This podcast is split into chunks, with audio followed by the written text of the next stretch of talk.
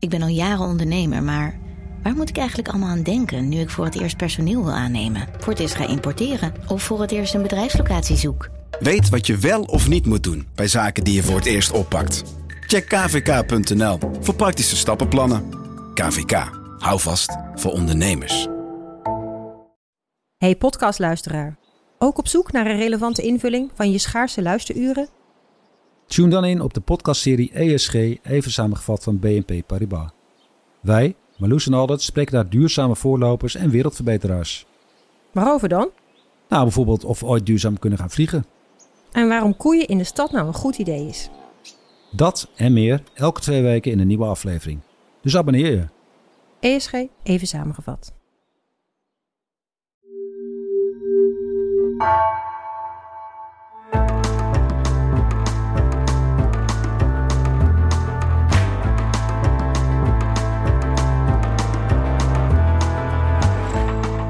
Welkom bij het uur. En ineens hadden ook de millennials grijze haren en midlife crisis. Nog steeds geen huis of contract, maar de glinsterende belofte werd al wat valer. Tijd is meedogenloos. De zillennials dan, Gen Z. Zoals elke jonge generatie wordt ze met zorg aanschouwd. Zo van, oh jee, we moeten toch eens over de jeugd hebben. Ter zake, Mandy Wolkens is hier, hoofdredacteur van Linda Meijden. Presentator op radio en tv, ze lijkt alomtegenwoordig. En rolmodel, een tikje activist maar toch vooral een maker. Hoe maak je een blad voor de TikTok-generatie? De generatie voor wie papier zelden nog een primaire bron is. Wanneer is iets goed en aantrekkelijk? En hoe staat Mandy Wolkens zelf in deze tijd? Waaruit bestaan haar hoop en haar dromen? Welkom bij het uur met Mandy Wolkens.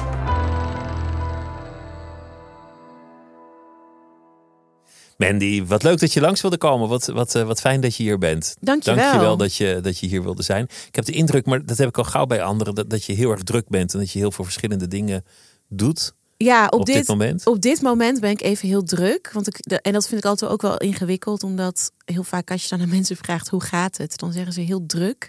En dat vind ik bij mezelf nooit een heel goed teken. Omdat ik denk, ik wil het gewoon prima hebben en niet super druk en rennen. Maar op dit moment is dat wel eventjes zo. Want je hebt een nieuw tv-programma op de Matrix. Een, een cultuurprogramma. Uh, een radioprogramma komt eraan. Klopt, dat is toch een klein beetje geheimzinnig, geloof ik? Of valt het ook wel weer mee? Nee, dat valt wel mee. We zijn hem nu inderdaad gewoon echt aan het invullen en aan het maken. Dus dat is vanaf januari begint dat. Maar we zijn nu wel echt aan het bouwen achter de schermen van hoe moet het klinken? Wat voor soort gasten hebben we wel en niet? Dus dat, dat speelt inderdaad ook. De toon. En dat is voor, dat is voor Omroep Zwart? Omroep, ja, Omroep Zwart, ja.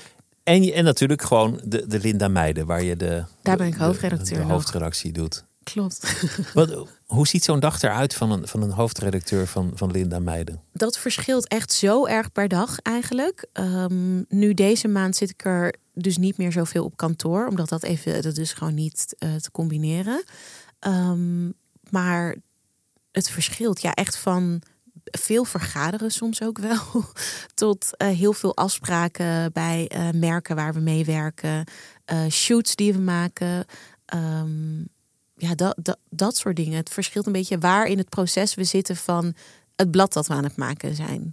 Dus daar, afhankelijk daarvan zijn dagen heel druk of juist iets rustiger uh, met ons team. En dat we vooruit kunnen kijken van wat willen we doen, waar willen we naartoe, welke namen zien we. Um, daar, daar hangt het een beetje vanaf. Je hebt, je hebt ideeën die bedacht worden, producties die draaien.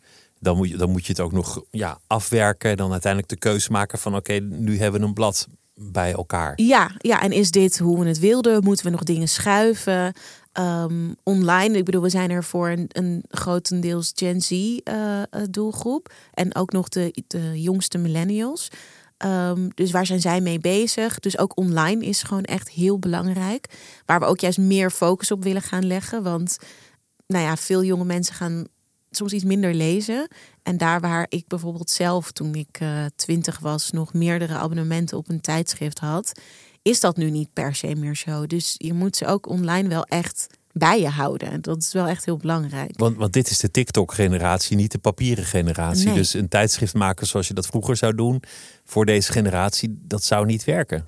Nee, je moet wel echt rekening houden met wat zij willen. Dus we gaan ook altijd veel in gesprek met ze. Ehm, van zitten wij nog wel op de goede koers? Is dit wel goed wat we doen? Want je kan wel daar denken, ja, maar wij weten het allemaal, maar daar geloof ik meestal niet zo in. Ik denk dat je heel veel kan hebben in input van je, van je lezers. En het is heel leuk dat ze dan zeggen: Dit is leuk. Maar ik ben altijd veel geïnteresseerder in wat ze niet zo leuk of niet zo goed vonden. Van dit interesseerde me niet, of dit vond ik ronduit stom, of, of hier werd ik kwaad van, of dat, of dat soort dingen. Ja, ja. Dus, dus die kritiek die je eigenlijk liever niet zou willen horen, omdat die ook een heel klein beetje pijn doet, die, die wordt juist verwelkomd. Dat. En het doet inderdaad ergens een beetje pijn. maar dat is goed, denk ik. Want daar hoop ik dat, dat, dat wij beter van kunnen worden. Ehm, en dan nemen we dat weer mee in een volgende keer. En het is niet alsof je alles dan meteen kan aanpassen. Maar als je sommige dingen wel hoort dat het vaker wordt gezegd, dan moet je er wel iets mee. Vind ik in ieder geval. Jij bent dus een millennial die een blad maakt voor Gen Z, maar ook, ook een beetje voor millennial. Want, want het is, Linda Meijden is niet strikt een blad voor tieners, zou ik zeggen. Nee, helemaal niet zelfs eigenlijk. Ik denk eerder twintigers en misschien zelfs een klein beetje dertigers. Ja, ja ongeveer 18, 28 mikken we een beetje op. Ja.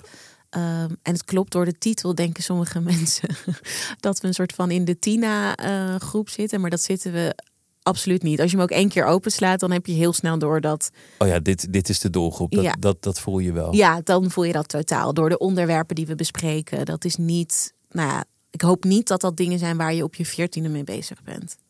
Wat mij opvalt, is, is dat heel veel bladen die moeten het hebben van het het fonkelen van de grote verleiding, het onbereikbare, de absolute schoonheid.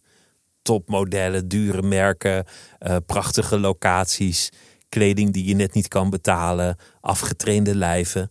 Dat, dat, is, dat, is, dat is Linda Meijden bij uitstek niet. Het is, nee. het is niet het rijken naar hetgeen je nooit zult hebben. Klopt. Want je noemde al deze dingen en ik dacht, oh nee, dat doe ik niet. Dat doen jullie bij uitstek allemaal niet. Nee, nee, echt Het zijn, het zijn mensen die er, die er mooi en leuk uitzien, maar ook weer niet buitenaards of, of alsof ze net geland zijn van een andere nee. glossy planeet. Nee, nee, nee. Het zijn best wel um, ja, normaal. Dus aan wat, als in wat is normaal. Maar het zijn uh, talenten, mensen die je kent van uh, tv of van de radio of uh, acteurs of zo. Um, en die, die reden, ja, soms best ver van je af kunnen staan, maar op een manier ook dichtbij. En het zijn niet uh, kledingstukken die je ziet, is het niet prijs op aanvraag. Het, zijn, het is een, een afwisseling van dingen die je eventueel gewoon zelf ook zou kunnen kopen. Um, omdat ik denk dat dat veel fijner is. Ik hou niet van die opgepoetste plaatjes en dat het moet lijken alsof alles helemaal perfect is. Um, precies wat je zegt, iets wat je misschien nooit zelf zou kunnen bereiken. Iets wat misschien wel helemaal niet bestaat zelfs. Nee, dat Want denk ik dat niet. is volgens mij glamour. Ik heb er wel eens over nagedacht. Wat is dat eigenlijk? En dat is de belofte van een wereld waar alles in een soort evenwicht is dat het dat nooit echt zal zijn. Nee. En misschien is dat soms fijn om bij weg te dromen, omdat je dan heel even kan vergeten hoe de echte wereld is. Um, maar ik vind het fijn om dat geluid in het blad niet te hebben. Er zijn genoeg anderen die dat wel doen. En ik vind het een zelf fijn dat het wat dichterbij kan staan. Of dat je jezelf misschien terug zou kunnen herkennen. Of dat het haalbaar is en dat je op die manier geïnspireerd wordt. En ik wil niet mensen inspireren tot een zelfbeeld die nou ja, ofwel niet haalbaar is, of misschien echt maar voor een mini-percentage van de, van de hele wereldbevolking. Dat, dat is niet wat ik zou willen uitdragen. Dus eigenlijk door, door meer menselijke modellen te tonen. Nou ja, ik doe het maar gewoon menselijk. Ja. Zeg je tegen, tegen de lezers, jij bent ook oké? Zeker, dat vind ik ook. Hoe doen jullie dat? Is, is dat gewoon uh, minder photoshoppen, minder licht, minder make-up? Uh... Ja, er is zeker wel make-up. Um, maar je wordt niet dichtgeplamuurd. En photoshoppen, dat, dat eigenlijk niet. Dat heb ik er echt heel, nou ja, bijna expliciet uitgeramd. Omdat Um, het is niet alsof we dat helemaal niet doen. Maar als wij mensen vragen om bij ons in het blad te komen, dan communiceer ik nu heel duidelijk erbij dat dat wat niet binnen twee dagen weg kan gaan, dat photoshop ik ook niet. Dus stel je voor dat jij de dag van de shoot wakker wordt en je hebt opeens een enorme puist ergens in je gezicht die je normaal niet hebt. Dan snap ik ook wel dat dat best vervelend is als je in een hele mooie, lange uh, modereportage zit. Dat, dat is jammer. Dat snap ik zelf dan, ook Dan help wel. Je eventjes. Ja, dat wil ik weghalen. Want dat had er de vorige dag was dat er misschien nog niet. En twee dagen later zou dat weg kunnen zijn. Dat kan weg. Maar vijf kilo eraf of hoeveel kilo dan ook. Dat, Ja, daar, daar wil ik niet aan meedoen. Dat vind ik niet. Dat is niet een boodschap die ik wil, wil uitdragen. En wij vragen iemand omdat wij diegene heel leuk vinden of heel erg geïnspireerd worden door diegene, door wat diegene doet of het verhaal van die persoon. En niet, ik had je niet leuker gevonden ehm, als je bijvoorbeeld dunner was geweest of als je huidgladder was of zo. En als dat een onzekerheid van je is, dan, ehm, nou ja, dan misschien later en dan mag je er zelf nog iets aan doen. Uh, maar dan kan ik je ook niet beloven dat ik het later zelf nog uh, interessant vind. Um, en dan heeft men ook het recht om te zeggen: dan wil ik het niet. Dan hoef ik niet in het blad. Ja. Zou je ook altijd zien dat je net op de ochtend van een shoot een dikke puist hebt? ja, dat, dat is gewoon een soort natuurwet. Waarom ja. is dat zo? het gebeurt gelukkig niet zo heel erg vaak. Maar we hebben wel eens iemand gehad die twee dagen daarvoor van haar fiets was gevallen. Uh, en echt, nou, die, die shoot hebben we ook moeten verzetten. Maar haar, het blauwe oog wat ze daarin over had gehouden, dat was er nog een beetje. Um, ja, dat, dat make-uppen we dan wel zo goed mogelijk weg. En als je dat nog een beetje op de foto ziet, dan halen we dat wel weg. Want dat is, dat is niet hoe ze er normaal uitzag. Ik denk dat dat voor, voor jonge mensen nu, als ik daar met een afstand naar kijk, een, een van de grootste problemen is. Dat, dat, je, dat je de hele dag een soort druk van buitenaf krijgt van perfecte beelden. Van plaatjes, van dingen waar je aan moet voldoen. Van mensen, niet alleen die heel mooi en heel slank en heel rijk en heel goed gekleed zijn, maar ook uh, die succes hebben, die, die heel veel vrienden hebben, die het, die het allemaal op een rijtje hebben. Uh, mensen met een nog mooiere vakantie dan de ander. Zeker met social media. Iedereen steekt elkaar de ogen uit. Ja, en je laat alleen maar zien wat natuurlijk, of tenminste veel. Ja, het is een soort etalage. Totaal. Um, en je kan dat honderd keer blijven benoemen natuurlijk. Dat dat wat je op social media ziet niet de echte wereld is. Er zijn misschien wel honderd foto's nog eh, toch vanuit die hoek, nee, toch vanuit die hoek. Um, maar toch, als je niet heel lekker in je vel zit en je scrolt er doorheen, dan is dat niet een fijne plek om te zijn. Dus dat, dat lijkt me ook lastig als, dat, als je jong bent en je groeit daarin op. Ik, ik had dat gelukkig zelf wat minder. Nou ja, dat is elke, elke generatie meer geworden. Ja. Voor, voor, jou, voor jouw generatie was het al meer dan, dan voor de mijne. Ja, ja. En, en voor die daarvoor bestond dat helemaal niet. Nee. Er is natuurlijk altijd concurrentie geweest. Maar, maar die, maar die totale dictatuur van het beeld, dat, dat, dat lijkt me zwaar om in op te groeien. Lijkt mij ook. Het lijkt me ook best pittig. Um, ja, ik, ik, het is ook denk ik lastig om je daar echt voor te weren, want het is gewoon overal. Het is, ja, als je, als je echt heel jong bent, kun je er dan omheen? Ja, dat vraag ik me een beetje af. Als het overal is. Dus dan hoop ik dat als ze dan een keer een Linda Meijden openslaan, als je begin twintig bent, dat dat verfrissend kan zijn. Want, want, want jullie functie is dan om te laten zien, dit is leven. Zo ziet het er ongeveer uit. Um, is dat onze functie? Nou ja, deels. Ik bedoel, probeer ook wel te inspireren, maar op een andere manier denk ik dan, dan zo'n etalage. Of tenminste, dat hoop ik dat dat anders is. Of dat dat ook wel overkomt op mensen. Mensen doen er zelf ook aan mee. Die hebben natuurlijk zelf ook hun etalage. Zijn zelf ook bezig met hun leven van buitenaf te leven. Dus ze zien zichzelf van buitenaf bekeken de hele tijd. Ja, ik denk dat ik daar zelf ook wel schuldig aan ben hoor. Dat je constant denkt, hoe, hoe ziet dit eruit? Hoe komt dit over? Nou, niet constant, maar je bent je wel bewust ervan. En het ene deel je wel op social media en het andere niet. Maar iedereen die op social media zit, die maakt toch wel overwogen beslissingen over wat je wel of niet deelt met de buitenwereld. Als het goed is wel. Je gaat, je gaat niet je, je allerminste moment nee. online zetten, nee. denk ik. en sommige mensen doen dat wel. Um, maar dan denk kan je toch voorbeeld ook, zijn? Ja, daar denk je dan toch ook wel over na. Dus op, eh, ja, op die manier maak ik me er dan ook schuldig aan, denk ik. Hoe, hoe zou jij de Gen Z typeren? Want ik, ik, lees zoveel verhalen, maar dat denk ik ook altijd van, dat, dat is van elke tijd. Zo van, van uh, vader, we moeten toch eens over de kinderen hebben. De, de volgende generatie is, is in, de, in de ogen van de vorige altijd in verval en altijd in de problemen. Dat is volgens mij op geen enkel moment in de geschiedenis ooit niet zo geweest. Nee, dat denk ik. Ik denk dat je daar wel gelijk in hebt. Um, wat ik zelf heel fijn vind aan Gen Z-generatie en waar ik soms zelf eigenlijk wel wat uh, van kan leren, is het aangeven van grenzen. Um, ik ja, ik zie dat bijvoorbeeld bij, bij mensen waarmee, waarmee ik werk. In, ik heb een soort van klein kernteam. En daar zitten twee Gen Z'ers in. Um, dan vind ik dat die dat niet per se hebben. Maar bijvoorbeeld bij stagiaires zie ik dat ook. En dan vergelijk ik het met toen ik zelf stage liep. En dan soms kan ik ook denken, ja, liever, je zal toch echt iets harder aan moeten trekken als je een carrière wil maken in een bepaald werkveld.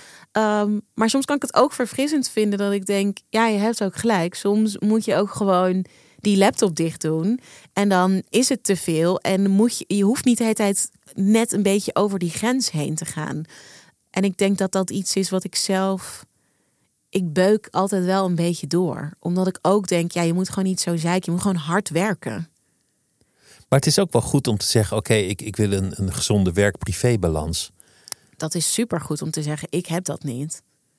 Er, er wordt ook wel eens een beetje honend over gedaan. Van, van, van mensen die het strikt noodzakelijke doen en stipt om vijf uur in de lift staan. Ja. Maar ik, ik, ik denk dat ja, het strikt tegenovergestelde van dat je er altijd maar moest zijn en altijd maar beschikbaar was. En vooral niet als eerste naar huis wilde gaan. En uh, in het weekend ook nog een stapel dossiers doornam. Dat, dat heeft weinig gebracht. Nee, klopt. Dat is ook zo. Maar ik nou niet in die extreme. Um, maar ik moest mezelf bijvoorbeeld op een gegeven moment ook afleren om niet uh, s'avonds laat nog heel erg uh, mensen, te, collega's te mailen of zo. Maar dan schiet mij iets te binnen. En nu heb ik gewoon geleerd dat ik het al wel type, in mijn concepten opsla. En de volgende ochtend doe. Omdat ik niet wil dat mensen een soort stressgevoel ervan krijgen. Dat ik op dat moment nog bezig ben. En dat ik hun daarmee het gevoel geef dat zij er ook meteen iets mee moeten. Ik, het is voor mij voor het eerst om zo'n soort functie te bekleden. Uh, waar, waarvan ik soms dan dus nog niet door heb wat voor druk je andere mensen daarmee kan geven. Ik heb die fout ook wel eens gemaakt dat ik collega's nog om half één s'nachts een, een uitgebreid idee ging, ja, ging mailen. Maar dat is ook gewoon een soort van enthousiasme dan toch? Dat je denkt, oh dit komt nu in me op en dan... dan... Dit wordt leuk, dit gaan we doen. Ja, gewoon uit een soort van, ja, dit moeten we gaan doen.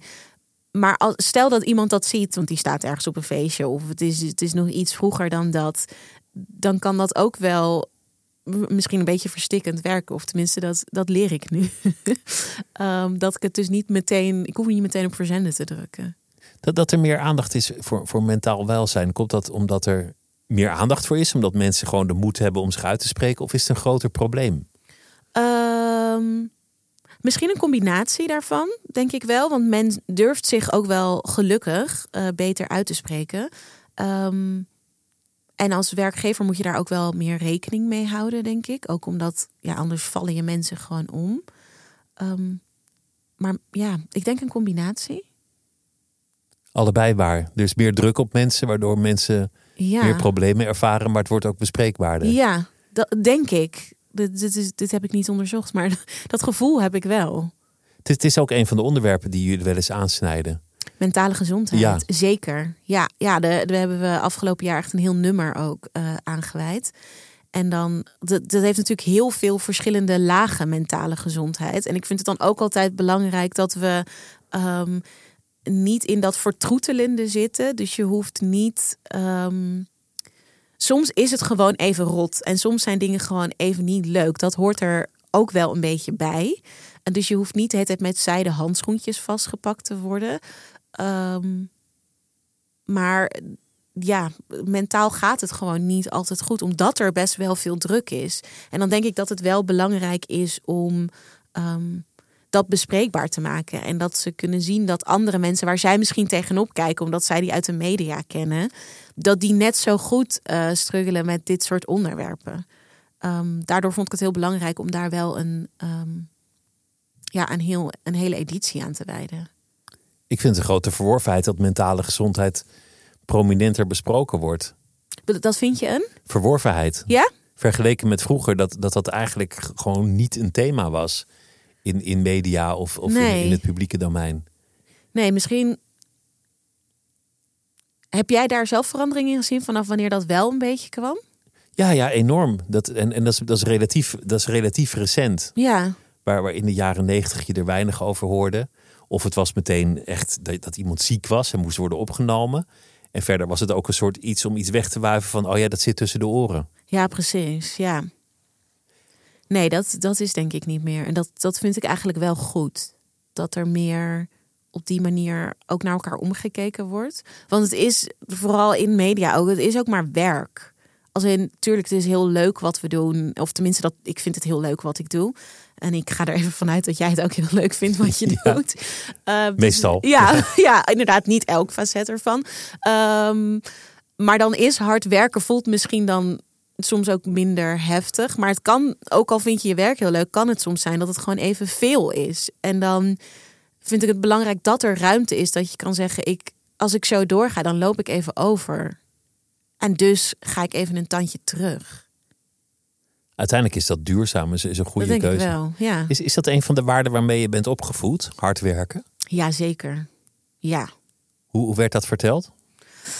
Ehm, mijn oma leerde mijn moeder altijd eh, dat je diploma je partner is. En mijn moeder leerde mij dat ook weer. Zo van, je moet hard leren. Dat hoeft niet meteen het hoogste niveau te zijn. Maar zorg dat je een, op een manier een papiertje op zak hebt. Eh, want dat is, dat is iets wat niet bij je weg kan lopen. Dat heb je dan altijd. Zorg dat je voor jezelf kan zorgen. Ehm, dus ja, hard werken, dat is wel op die manier... heb ik dat wel geleerd.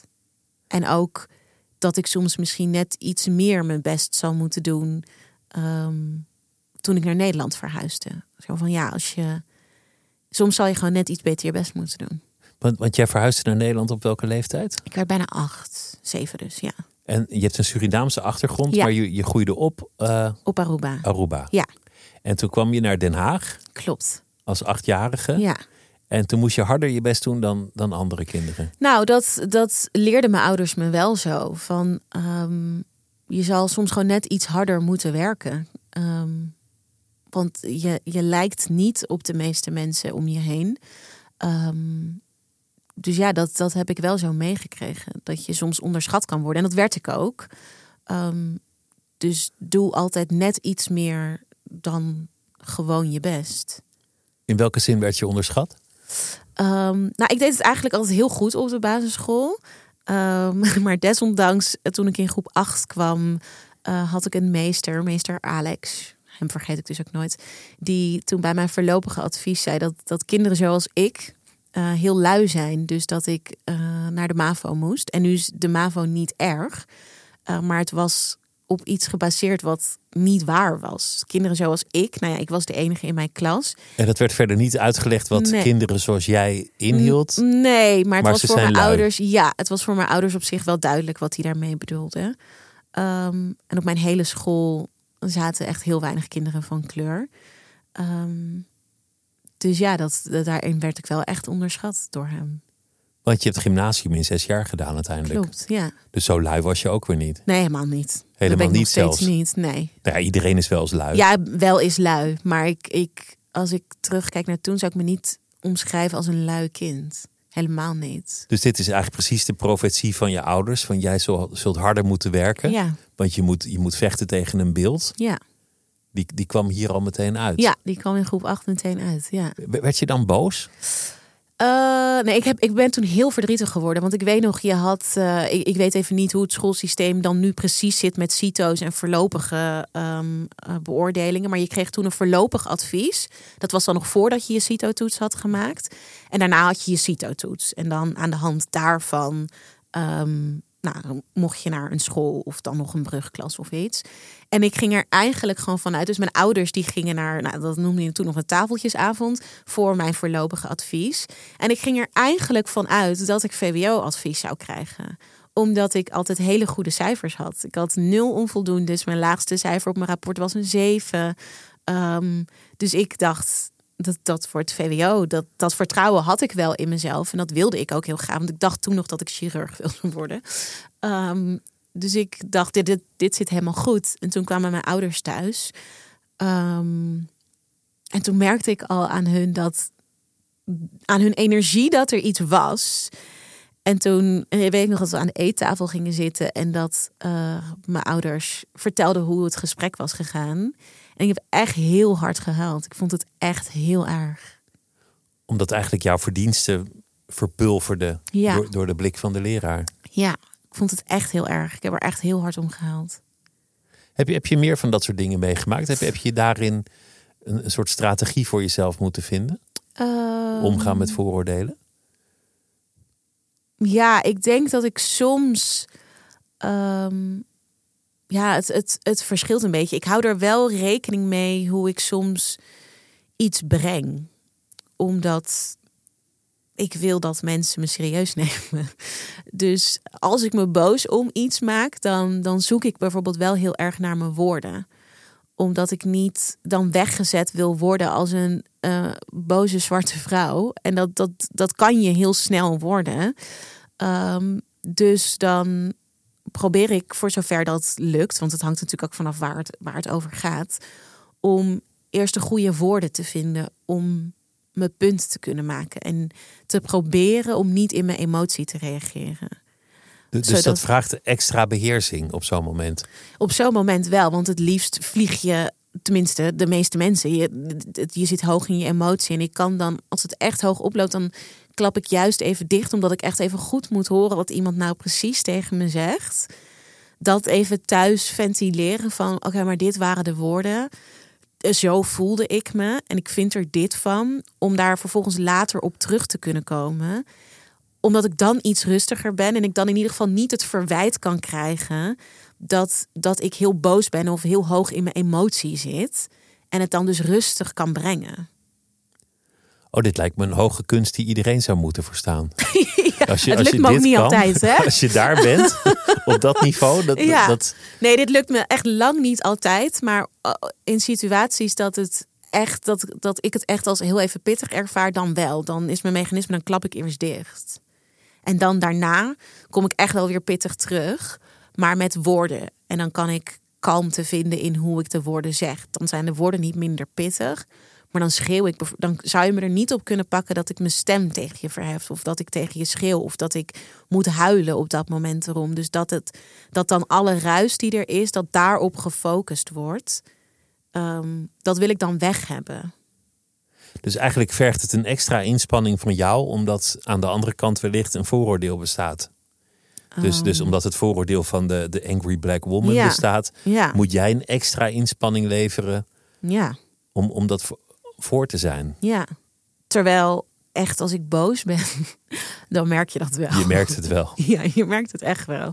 Ehm, dus ja, en ik kan dan nog steeds hebben in situaties dat, ehm, dat er dan wordt gezegd dat ik agressief overkom. Terwijl ik dan juist mijn rust pak en gewoon probeer te luisteren en probeer te incasseren. En dan zeg ik niet zoveel. Het- enige wat je dan als passief-agressief kan zien is dat ik bijvoorbeeld mijn armen over elkaar doe. Ook om mezelf rustig te houden. Ehm, maar ik zal dan niet, ik hou het daar dan bij. Gebeurt sowieso veel dat vrouwen meteen in een emotie worden geplaatst. Ja, vind ik wel. Je ziet het in de Tweede Kamer ook vaak. Hè? Ja. Met, Sylvana.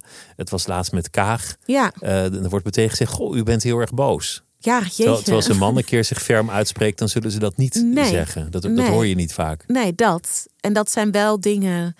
ehm, ja, daar probeer ik wel rekening mee te houden, omdat anders ik het vervelend vind dat het dan daarover gaat. In plaats van wat je inderdaad ook in de Kamer ziet. Er wordt dan niet meer geluisterd naar wat, wat een Sylvana Simons of wat een Sigrid Kaag, wat zij dan zeggen. Maar dan is het alleen maar hun emotie die eruit gepakt wordt. En ook bij Sylvana Simons was het dat ik ook dacht nee, zij is nu niet boos. Zij maakt gewoon een heel goed punt. En zij zet jou nu in een hoek. En daar, dat moet jij maar gewoon heel even voelen. Maar haar dan meteen wegzetten als boos. Zoals duidelijk, zoals ferm. Dat, Ja. dat kan je zeggen of stellig. Dat, Dat, dat is iets anders dan boos. dat vind ik wel.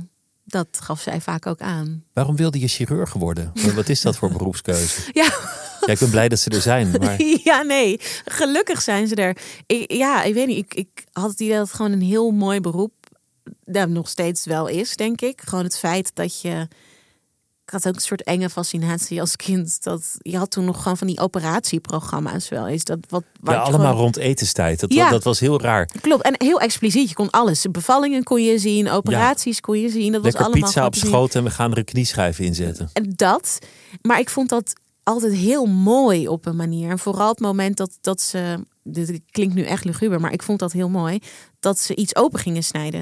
En dat je zo die huid open zou gaan. Iedereen haakt nu af. maar dat vond ik iets heel moois. En dacht ik, oh, dat lijkt me zo vet als je dan dat zou kunnen doen. En ik heb veel familie die ook allemaal in het ziekenhuis werkt, van verpleger tot, tot chirurg. Dat ik daar wel, ja, ik zag mezelf daar wel lopen met een witte jas.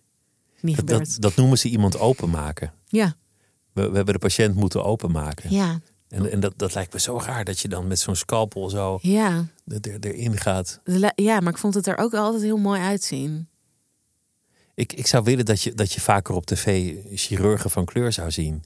Je Want- niet zoveel, hè? Ze zijn er natuurlijk gewoon. Uiteraard. Eh, maar als je, als je tv aanzet en je ziet verschillende mensen van kleur, dan denk je, oh, het gaat over sport.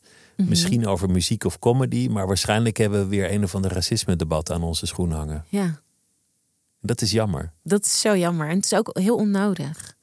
En het hele, ehm, dat neem ik bladen soms ook kwalijk, maar elke mediavorm kunnen het niet vinden. Ja, dan zoek je niet goed. Ze zijn er. Dus ja, ja, uiteraard. En als je goed zoekt of op de juiste plekken zoekt, dan, ehm, dan vind je het wel.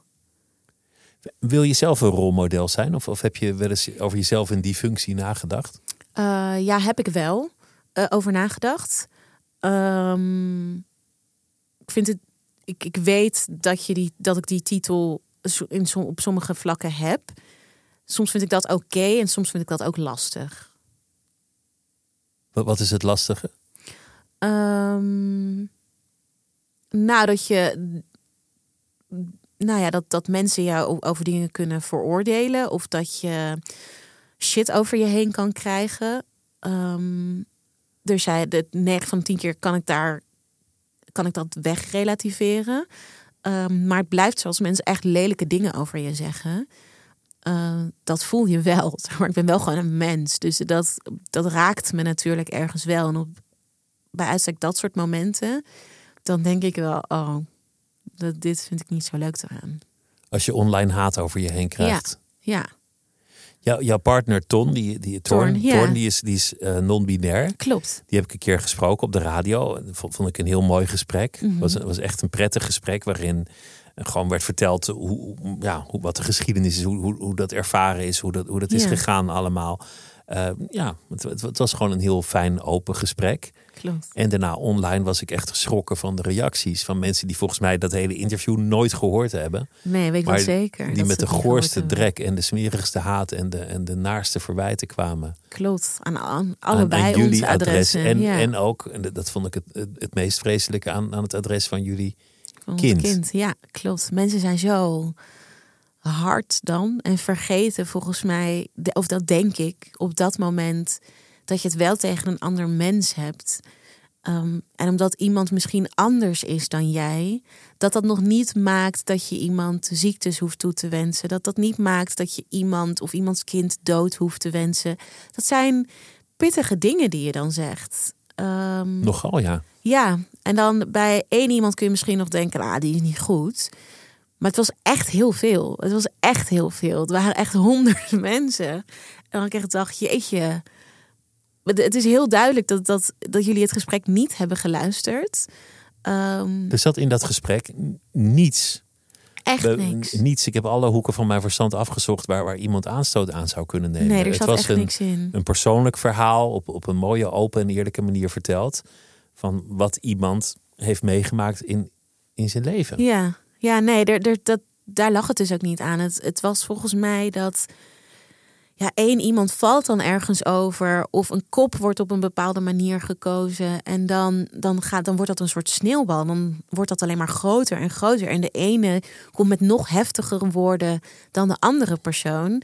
En op dat soort momenten vind ik zichtbaar zijn niet fijn, omdat ik daar dan echt wel even ja, daar lig ik echt wel even van af dan. Als mensen zo hard zijn. Om in mijn opzicht niks. En er, ik kan trouwens ook niks bedenken waarom je anderen dit soort dingen zou toewensen. Ehm, maar ja, ik, dat, dat, op die moment vind ik het niet zo leuk. Hoe ga je daar dan mee om? Hoe, hoe, eh, hoe herstel je je dan? Ehm, op een gegeven moment moet ik ook stoppen met het te lezen. Er is ook dan een soort. Ja. Ja, ik, er is dan zo'n punt dat ik het toch blijf lezen. Ook omdat ik het dan niet helemaal kan geloven. En dat ik dan denk, hè? Zeggen mensen dit echt? Ehm, dus daar op een gegeven moment mee stoppen en me dan even heel erg in mijn eigen bubbel ehm, eh, bevinden. Dus dan echt heel erg alleen maar met mensen, vrienden, familie zijn waar ik me veilig voel. Ehm, Offline. ja, offline. Ja, zeker offline. Ja.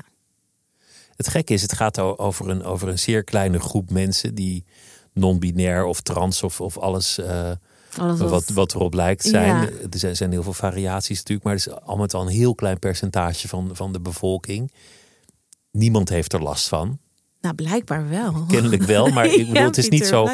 Het is niet zo dat iemand jou zomaar de operatiezaal insleurt en zegt van, van eh, nu gaan we jouw transitie eens in, in werking Nee. stellen. Nee, dus, ja, dus er gaat vrij weinig dreiging van uit, zou, zou ik redeneren.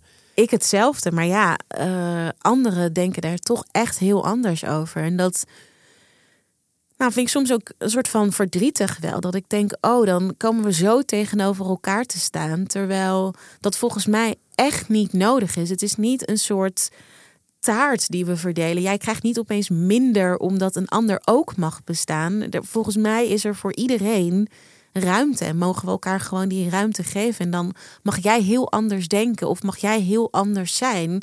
Dan ga jij hier die kant op en ik de andere kant op. Het zou soms echt fijner zijn als we iets meer zo erin kunnen staan in plaats van ja, how can I make this about me? Als in, het, het gaat niet altijd over jou. Dat, En er, er is niet altijd een tegenstelling. Nee, helemaal niet zelfs. Maar het is gepolitiseerd. Het is, het is een, een, een soort stok die wordt gebruikt door een, een bepaalde rechterflank om de progressieve flank mee om de oren te slaan. Klopt. Het is het politieke debat de arena ingesleurd.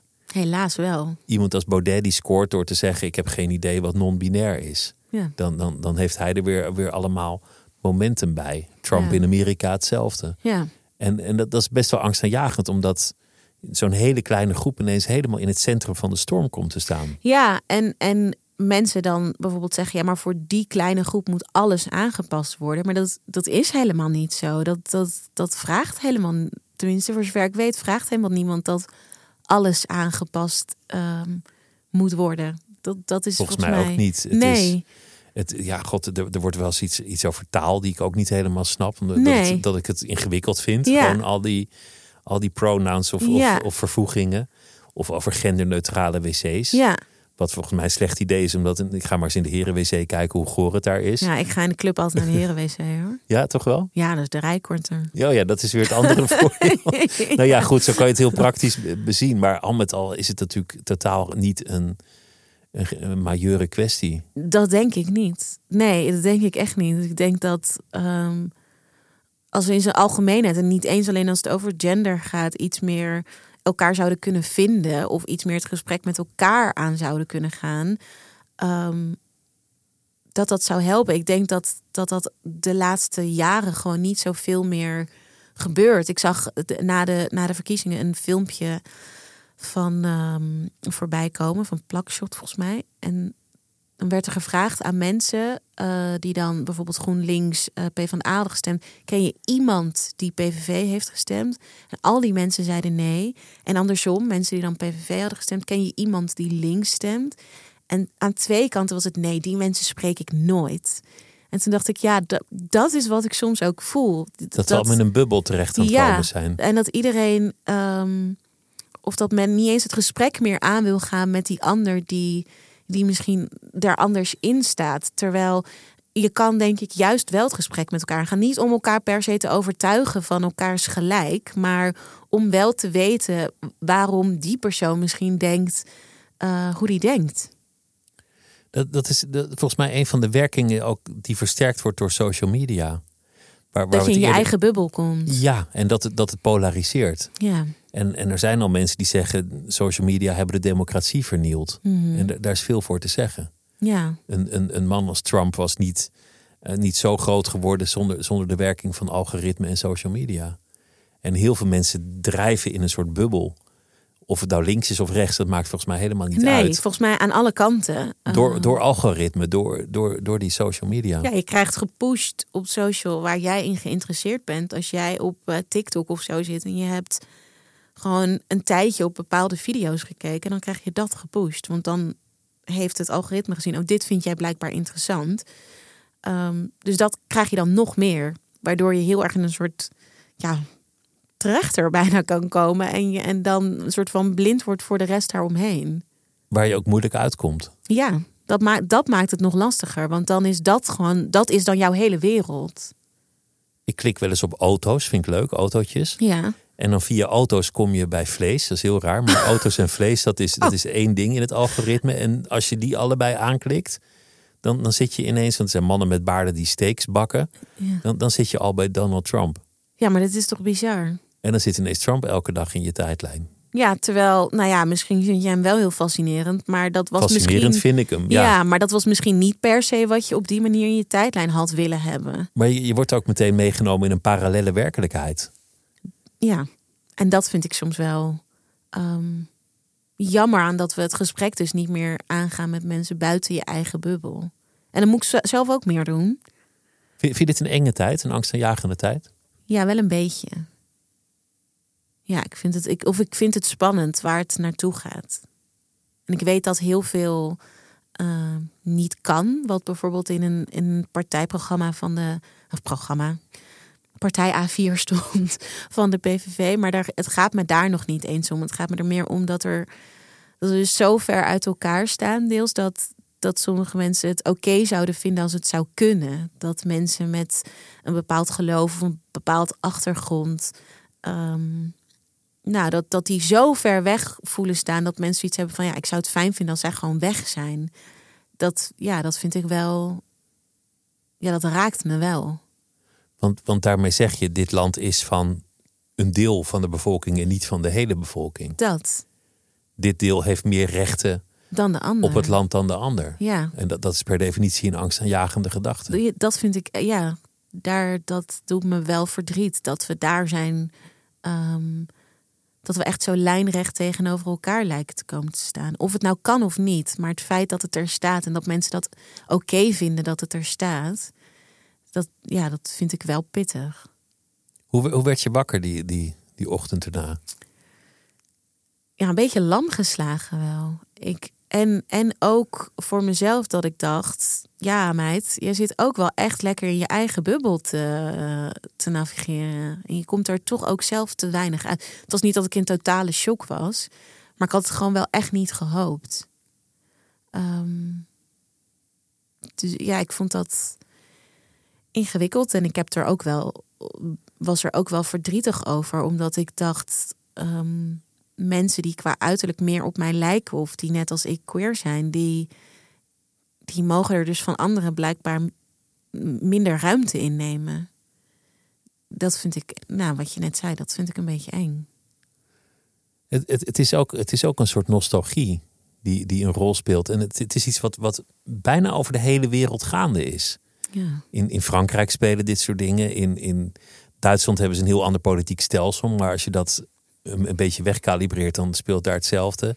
Engeland met Brexit, Trump in eh, Noord-Amerika, Zuid-Amerika. Eh, overal zie je eigenlijk met, met lokale varianten ditzelfde gebeuren. Een, een, een woedende groep burgers die het een andere groep kwalijk neemt. En die een soort hegemonie op gaat eisen. ja het gebeurt wel steeds meer. Ik, ja. Ja, dat is toch, dat is toch, dat is toch gewoon verdrietig wel, of niet? Ja, landsgrenzen. We hebben ze zelf bedacht, hè? Als in, heeft een ander echt minder recht op bepaalde dingen? En ik snap natuurlijk, we hebben ook regels met elkaar bedacht.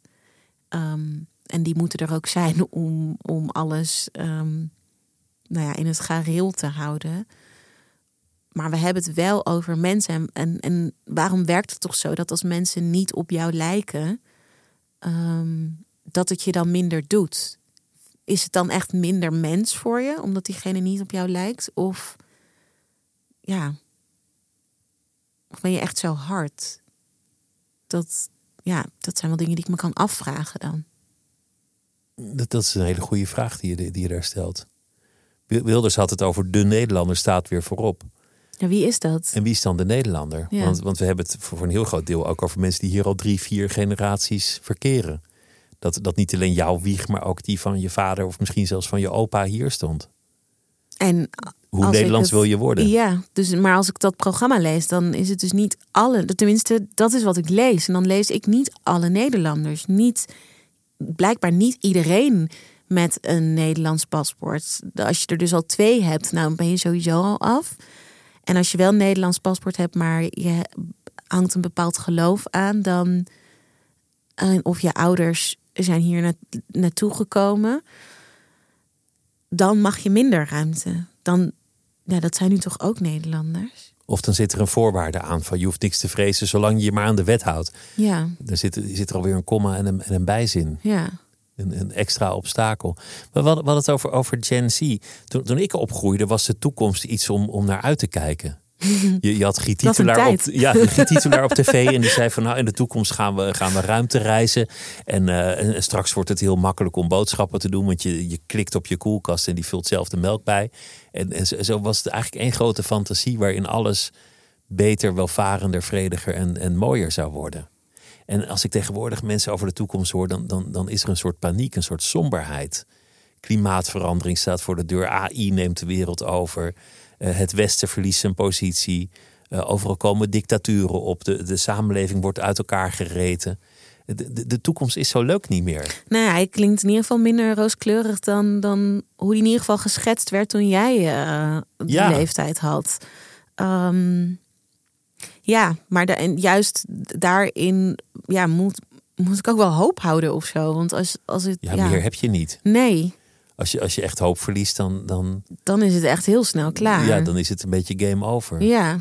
Hoe, hoe, ga je daarmee om met, met Gen Z? En ook als je, als je een blad maakt of een programma voor die generatie. ja. Die volgens mij die paniek ook echt wel voelt. Ja, ja ik, met, met elke vorm van media die ik maak, probeer ik eh, die onderwerpen niet uit de weg te gaan.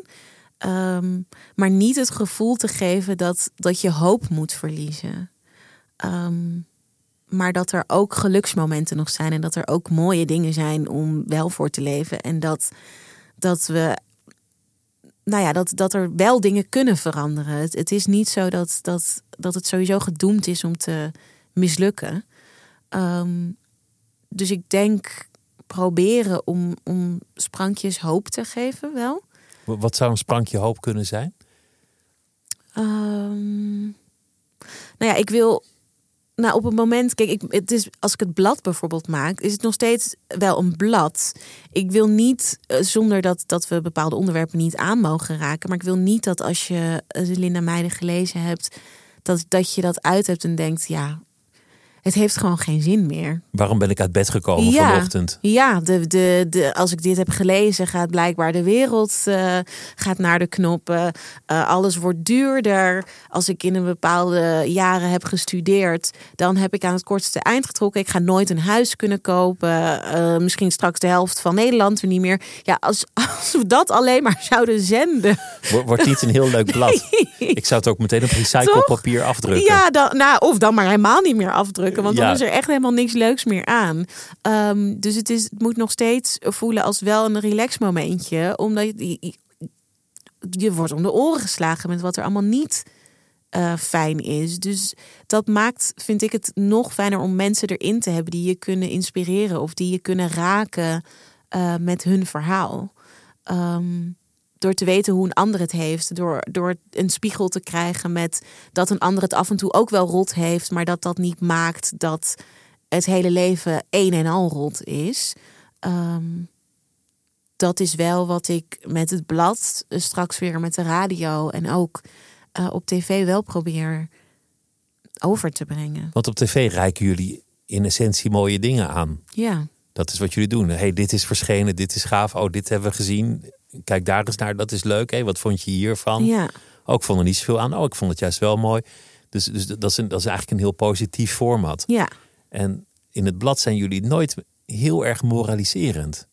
Het gaat, het gaat er niet over van, goh, jij bent slecht, want je, Nee. want je eet vlees. Of, of ben je nou weer op vliegvakantie geweest en eh, waar zijn die schoenen eigenlijk van gemaakt? Of, of hoe, hoeveel kinderen wil je later? Dat, dat, dat doen jullie niet. Nee, geen vingertjes. Maar wij zien niet, of tenminste, dat is. Dat wil ik ook echt niet. Ik wil niet met een vinger wijzen. Omdat ik denk dat, dat je dan. wederom nog meer uit elkaar gooit. Dat, dat polariseert, denk ik, wederom nog meer. Als ik tegen jou ga zeggen: Oh, wat slecht dat jij vlees eet, want de wereld uh, gaat niet goed. En de, dan ga jij, dan denk jij toch ook: Ja, mens, en wie ben jij? Dat bepaal ik zelf wel. Dan gaan die armen over elkaar en dan, en dan sluit iemand zich af. Ja, dan, heb, dan is er geen ruimte voor een gesprek meer. Terwijl als, als wij een fijn gesprek hebben en het gaat bijvoorbeeld over wel of niet vlees eten of wel of niet vliegen. Ehm, en we hebben het erover van ja, mij doet het niet zoveel. Of je krijgt inspiratie op hoe het ook anders kan. Zonder dat, dat er wordt gezegd dat andere is slecht als je dat doet. Dan zou je kunnen denken, oh dit kan ik misschien een keer proberen. Of niet, ook goed. Maar... Je reikt dingen aan op, op een positieve manier. Ja. Dat, dat is iets waar ik laatst ook over nadacht. Van vroeger was er natuurlijk heel veel ellende, maar die was gewoon veel minder zichtbaar. Ja, we zijn nu ook. Die staat de hele, dag open. ja. Zit je op je telefoon en, en krijg je weer, weer Gaza om de oren geslagen, of Oekraïne, of, uh, of wat er ook aan de hand is, of een smeltende ijskap. Ja, je krijgt de hele dag via dat scherm um, heftige informatie tot je. Of je nou wil of niet. En wat er goed gaat, dat, dat trekt gewoon ook minder de aandacht. Eigenlijk wel, ja. In veel opzichten. Ja. Dus, dus kijk, het, het is natuurlijk vreselijk wat er in Gaza gebeurt. Maar het goede nieuws is dat het heel erg zichtbaar is. Terwijl vroeger, geval, vroeger was dat, zou je het gewoon niet gezien hebben. Nee. In, als dat 50 jaar geleden was gebeurd. Nee. Dan, dan had, had, had men het er niet zo mazaal over als, als nu. Hoe ver reiken jouw ambities en jouw dromen? Ehm, ja, er zijn nog wel genoeg dingen die ik zou willen doen. Ja. Zit, zit, dat, zit dat in het vlak waar je nu in opereert? Ja, eigenlijk wel. Dat zit hem wel in media. Ja, ja daar zit het hem wel in. Ik ben eerder dan ik dat, dat, dat ik nu op de matrix mag maken, dat, dat kwam eigenlijk eerder dan dat ik uh, zelf dacht dat ik daar klaar voor zou zijn. Um, maar ik vind het echt fantastisch om te doen. Ehm, dus daar, daar beter in worden, meer uren mogen maken. Ja, dat, dat vind ik wel. Dat, dat, ik hoop dat ik dat mag doen en dat ik dan nou ja, meer ruimte mag innemen op de tv en op de radio. Even goed. Hoe, hoe is dat gekomen van, van het verlangen om chirurg te worden en iemand open te maken, naar, naar dat je ineens op tv komt? Um, dat had, had ik eigenlijk helemaal niet in die zin zo gepland. Nou, ik, ik wilde inderdaad chirurg worden, maar ik kwam er op de middelbare school vrij snel achter dat eh, onder andere scheikunde en natuurkunde waren niet mijn vakken. En eigenlijk wiskunde ook niet. Ik moest echt heel hard eraan trekken. Nou, dan had ik een 6,5. Maar had ik echt, echt gebikkeld. En dan had ik net een voldoende. Dus echt, echt een alfa-brein. Het totale alfa-brein, ja. En dat ik op een gegeven moment dacht, ja, maar ga ik dan nu zo hard hierop leren en ga ik dit allemaal zo hard doen, terwijl, ja, dat, dat maakt het dan op een gegeven moment ook niet leuk meer. En al, alle alfa-vakken, die gingen me heel makkelijk af. Dat vond ik geen probleem. Griekse teksten, Latijnse eh, teksten verstaan, dat ging allemaal helemaal goed. Dat, dat was allemaal prima, vond ik echt niet moeilijk. Maar eh, ja, stellingen en dingen, nou, mijn hoofd gaat er weer van duizelen. Dus toen dacht ik op een gegeven moment, dan is dit misschien niet het pad wat ik moet gaan bewandelen. Ehm, dus toen ben ik toch uh, uh, inderdaad het Alpha-pakket genomen. En ik, halverwege op de middelbare school, danste ik ook nog heel veel. Dus ik dacht, ik word danseres. Ehm, maar toen raakte ik geblesseerd, dus dat ging ook niet door. Ehm, toen ben ik theater, film en televisiewetenschap gaan studeren. En toen dacht ik, nou dan kan ik alsnog wel iets op het toneel doen. Maar dan ga ik de dansers vertellen als dramateur, nou, dat vond ik veel te pijnlijk. Toen dacht ik, nee, ik wil daar staan. Ik wil me niet zeggen tegen een andere danser wat je moet doen. Dus toen ben ik op een gegeven moment geswitcht nadat ik me meer op tv uh, en filmwetenschappen ging uh, richten.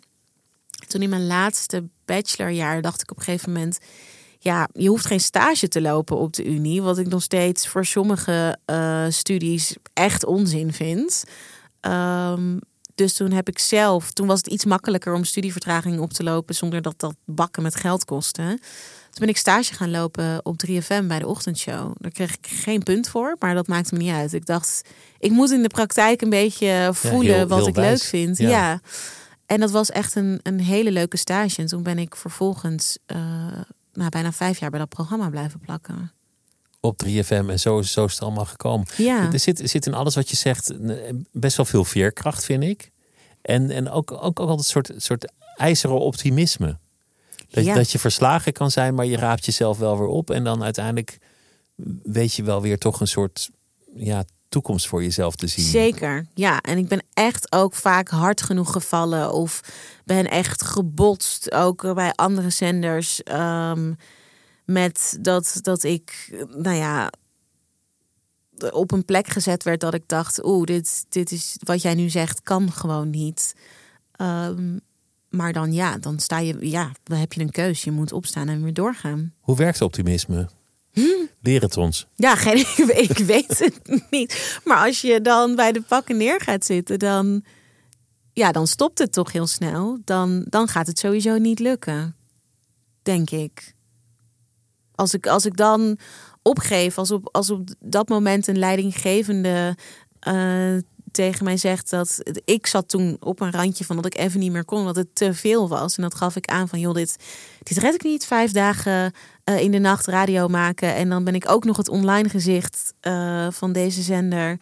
De, ik, ik, weet je, ik lig om zeven uur s ochtends in mijn bed en ik moet hier weer om elf uur zijn. Ik ga omvallen. Um, en dat toen kleur erbij werd gehaald, dat ik een kans kreeg als iemand met mijn kleur hebbende, kreeg ik een kans bij deze zender. Dus ja, ze kon niks voor me doen. Um, toen ben ik, ja, toen ben ik natuurlijk uiteindelijk uh, weggegaan. Maar als ik op dat moment luister naar wat zij tegen mij zegt, met dat ik, uh, ik was namelijk onder de grens door mijn, door mijn kleur en kledingkeuze. Nu weet ik niet wat kledingkeuze met radio te maken heeft, maar goed, die heb ik nog van haar te goed. Um, dan, dan was ik gewoon gestopt en dan had ik niet doorgepakt. Dat was dan toch jammer ook voor mezelf geweest. Dus je raapt jezelf op. Ik, kan niet verder, maar, maar we gaan verder. We zoeken een weg. Ja. ja, ik laat mij dan echt niet neerhalen door zo iemand. Echt niet. Dat, dat gun ik zo iemand dan ook echt niet. Het is ook een opdracht optimistisch zijn. Ja, je, soms moet je ook wel. We hebben geen keuze. We kunnen niet door, maar we gaan gewoon door. Ja, we moeten door. Ja. ja, geen tijd. Geen tijd om te lang stil te staan. Echt niet, daar heb ik echt geen tijd voor. Wil ik geen tijd voor maken, laat ik het zo zeggen.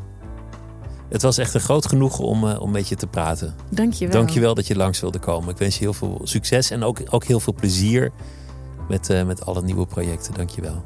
Dank je. En dit was het uur voor deze week. Volgende week is er een nieuwe aflevering. Het uur wordt gemaakt door Mira Zeehandelaar. Productie en techniek Celine Cornelis. En mijn naam is Pieter van der Wielen. Tot volgende week.